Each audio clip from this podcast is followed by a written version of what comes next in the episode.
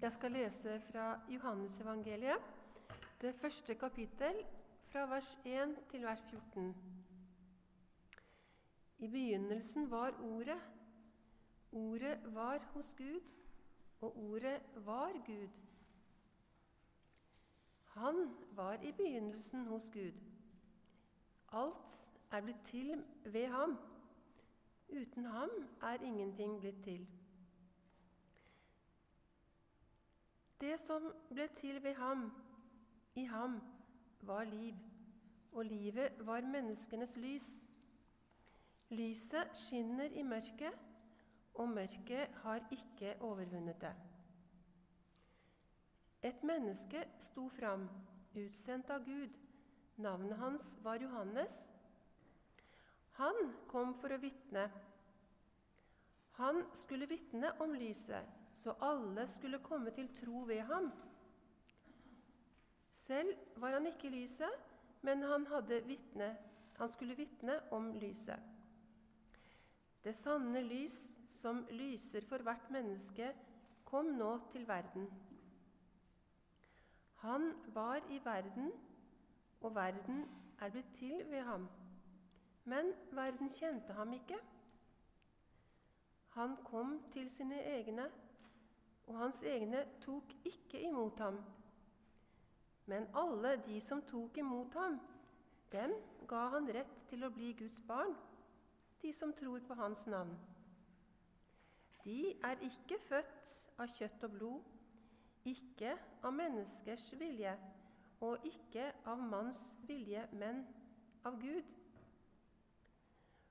Og ordet ble menneske og tok bolig iblant oss og vi så Hans herlighet, en herlighet som den enbårne sønn har fra sin far, full av nåde og sannhet.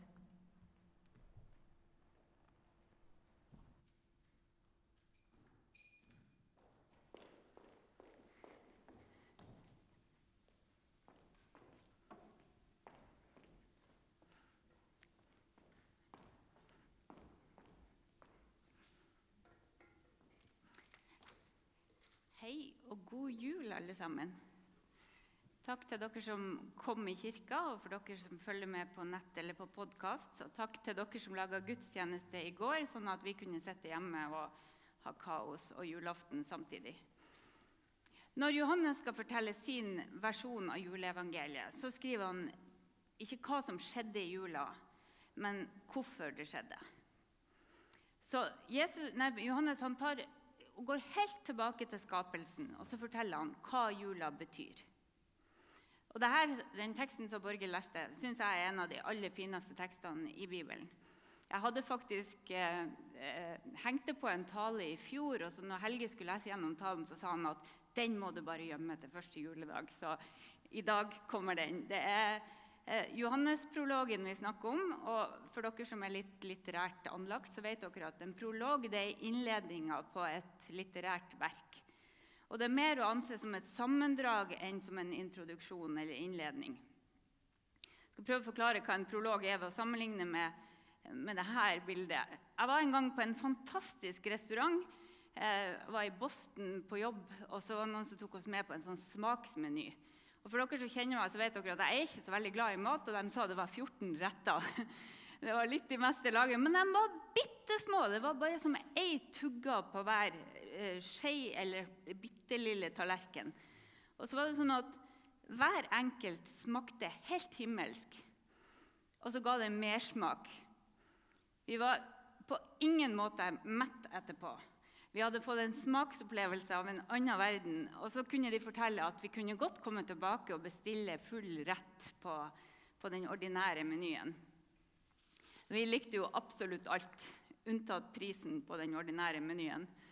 Eh, og Johannesprologen med de her 14 versene vi hørte, kan sammenlignes med en sånn smaksmeny. Der hvert vers er en smak av noe større. Teksten er poetisk, og den er vakker. Og Hvis vi leser resten av Johannes-evangeliet, så er det som å bestille de store rettene på menyen. Det som smaksmenyen ga oss lyst på.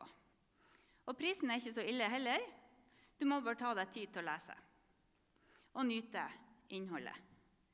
Og For å gjøre det lettere for alle så skal vi lage en bibelleseplan for Johannesevangeliet som vi skal starte med nå på nyåret. Eh, Helge jobber med det. Og I de første syv ukene så skal vi ta tema fra Johannesevangeliet på gudstjenestene, sånn som Jesus er verdens lys, Jesus er den gode gjeteren, Jesus er veien, sannheten og livet. Ja, Vi skal ta for oss alle de her 'jeg er' som Jesus sier. For nettopp å høre på hva er det Jesus sier om seg sjøl, sånn at vi kan korrigere eventuelle misforståelser som vi har laga når vi har danna oss et eget bilde av Jesus. Så nå kjenner dere menyen for januar og februar.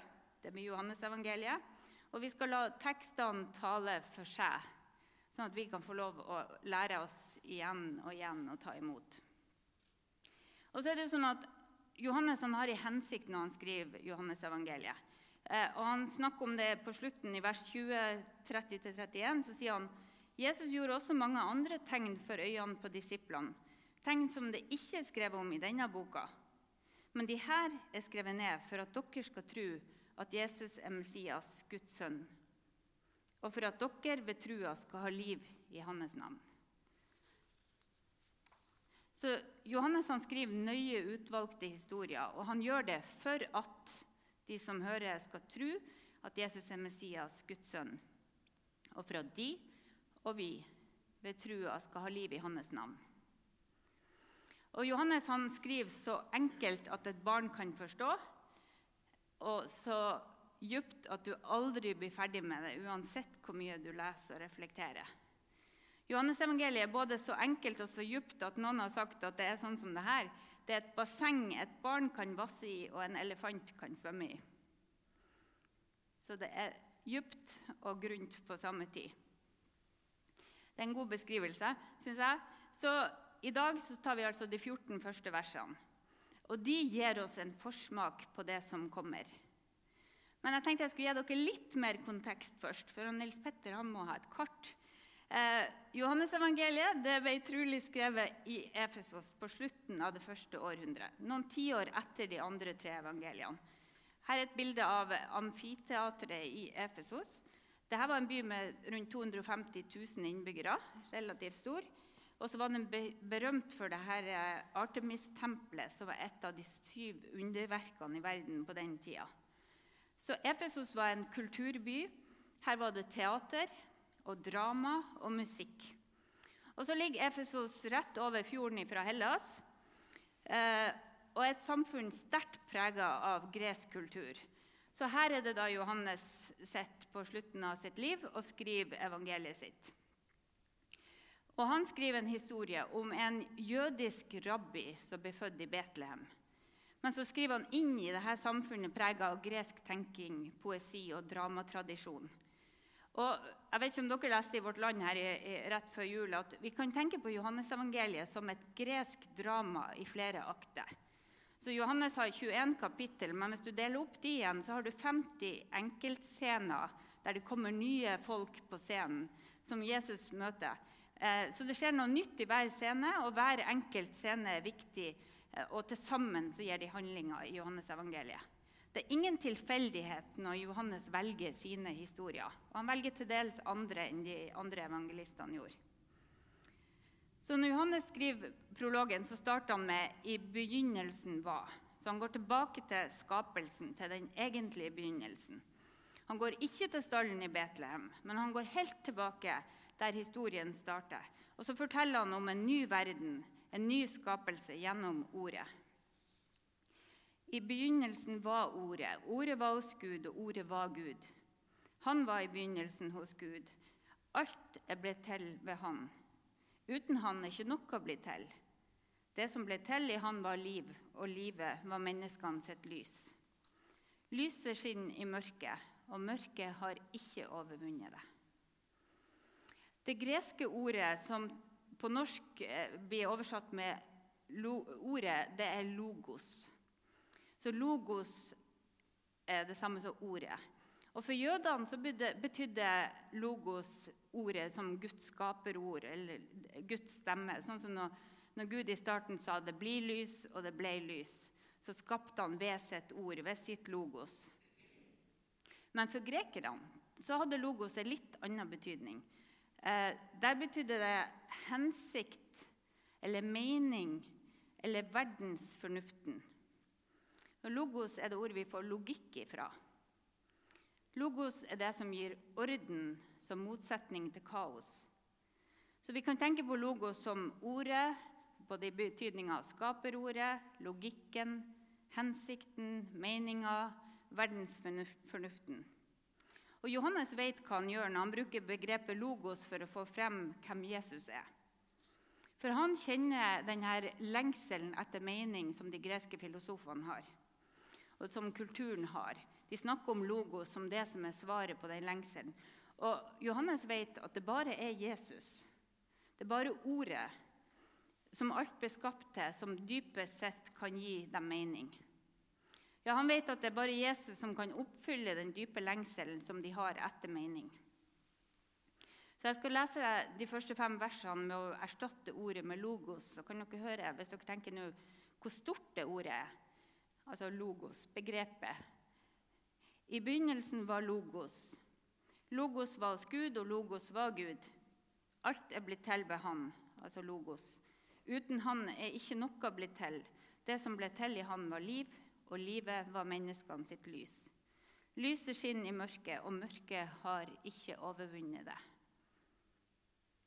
Og når vi kommer litt lenger ned i teksten, så ser vi at ordet, eller logos, det er et pseudonym for Jesus. Så i begynnelsen var Jesus. Han eksisterte ved universets begynnelse for 14 milliarder år siden. Jesus er fra evighet. Han var i Guds nærhet, og han var Gud, skriver Johannes. Og Det var en provoserende påstand om en rabbi fra Nasaret inn i en gresk kontekst. Jesus var til fra evighet av. Han skapte orden av kaos i tidas begynnelse. Og han kommer for å skape noe nytt igjen. Vi får nytt liv i hans navn, sa Johannes. Og så I vers 6 så kommer døperen Johannes på banen. Så Der står det et menneske sto fram, utsendt av Gud. Navnet hans var Johannes. Han kom for å vitne. Han skulle vitne om lyset, så alle skulle komme til tro ved ham. Sjøl var han ikke lyset, men han skulle vitne om lyset. Så nå tar, Johannes eh, evangelisten oss inn i historien i det første århundret. og så, så Han hopper fra verdens begynnelse og så kommer han til Galilea, der døperen Johannes begynner, bli født og begynner å vitne om Jesus, om lyset som skulle komme til verden. Og Neste vers er nydelig, en nydelig beskrivelse av julemysteriet. Det sanne lys som lys for hvert menneske, kom nå til verden. Det sanne lys som lyser for hvert menneske, kom nå til verden. Men jødene som hadde venta i 400 år på livstegn fra det høye, de gjenkjente ikke Jesus som Messias. En baby ble født i Betlehem, men det var ikke akkurat det bildet de hadde av Messias. Derfor skriver Johannes videre.: Han var i verden, og verden er blitt til ved han, men verden kjente han ikke. Han kom til sitt eget, og hans egne tok ikke imot han. Men så understreker Johannes at det var noen som tok imot han. Ja, mange tok imot han. For Jesus kom som frelser for hele verden, ikke bare til jødene, men til alle andre. Og folk hadde hørt om Jesus langt ifra Betlehem, langt fra Jerusalem. Ja, til og med i Efesos hadde de hørt om ham. Og de trodde på ham og det som ble fortalt om ham. Johannes sier det sånn, men alle som tok imot ham, dem ga han rett til å bli Guds barn, de som tror på hans navn. De er ikke født av kjøtt og blod, ikke av menneskets vilje og ikke av manns vilje, men av Gud. Så vers 13 her, det snakker om den nye fødselen. Den nye skapelsen som skjer når vi tar imot Jesus som frelser og herre. Og dette verset det er en forsmak på historien om Nikodemus som kom til Jesus og fikk beskjed om at du må bli født på ny. Så Dette er en sånn forsmak på noe vi kan lese mer om i Johannes evangeliet. Å bli Guds barn betyr, betyr at vi blir født på ny. Skapt på ny av Gud. I Jesus. Er ikke det en innmari stor tanke? og Det gjør meg litt ydmyk når jeg skal snakke om denne teksten. For det er egentlig så stor at vi kunne stoppe her og så kunne vi gå hjem og tenke på det resten av dagen. Å bli Guds barn betyr at vi får et nytt liv, skapt på ny av Gud. Men så kommer et av de fineste versene i Johannes-prologen. Og ordet og logos ble menneske og tok bolig blant oss. Og vi så hans herlighet, en herlighet som den enbårne sønnen har fra sin far, full av nåde og sannhet. I dette verset ser vi at logos, eller ordet, er Jesus, for Jesus er den enbårne sønnen. Så det er her man kan koble ordet og Jesus sammen. Så ordet ble menneske og tok bolig iblant oss. Og Det er et interessant ord, det her 'tok bolig', for det snakker vi jo ikke om. Når vi flytter, så sier vi ikke 'jeg tok bolig på Hundhammeren'.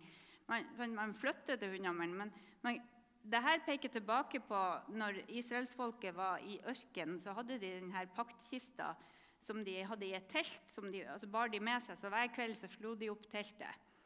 Eh, og Da sto det at Gud tok bolig blant dem. Så dette var en sånn flyttbar bolig. Og vis, nei, Gud viste seg som ei skystøtte om dagen og ei ildsøyle om natta. Så når de hadde leir, så bodde han midt i leiren. Så nå tar Johannes og så sprenger han alle forestillinger om Guds nærvær og om hvor Gud er nær. For nå blir Gud menneske. Hvis vi leser eh, Eugene Peterson sin oversettelse i The Message, så skriver han det her på, på engelsk. The word became flesh and blood and moved into the neighborhood. We saw the glory with our own eyes, the one of a kind glory, like Father, like Son. Eller på norsk Logos ble kjøtt og blod og flytta inn i nabolaget. Jesus kom ikke bare på besøk, han kom for å bli værende. En taler jeg hørte han sa det sånn at eh, Jesus tok med tannbørsten og flytta inn i nabolaget. Vi ville kanskje sagt Han tok med seg alt han eide, og flytta inn i nabolaget. Han kommer til oss, og han blir hos oss. Og teksten fortsetter.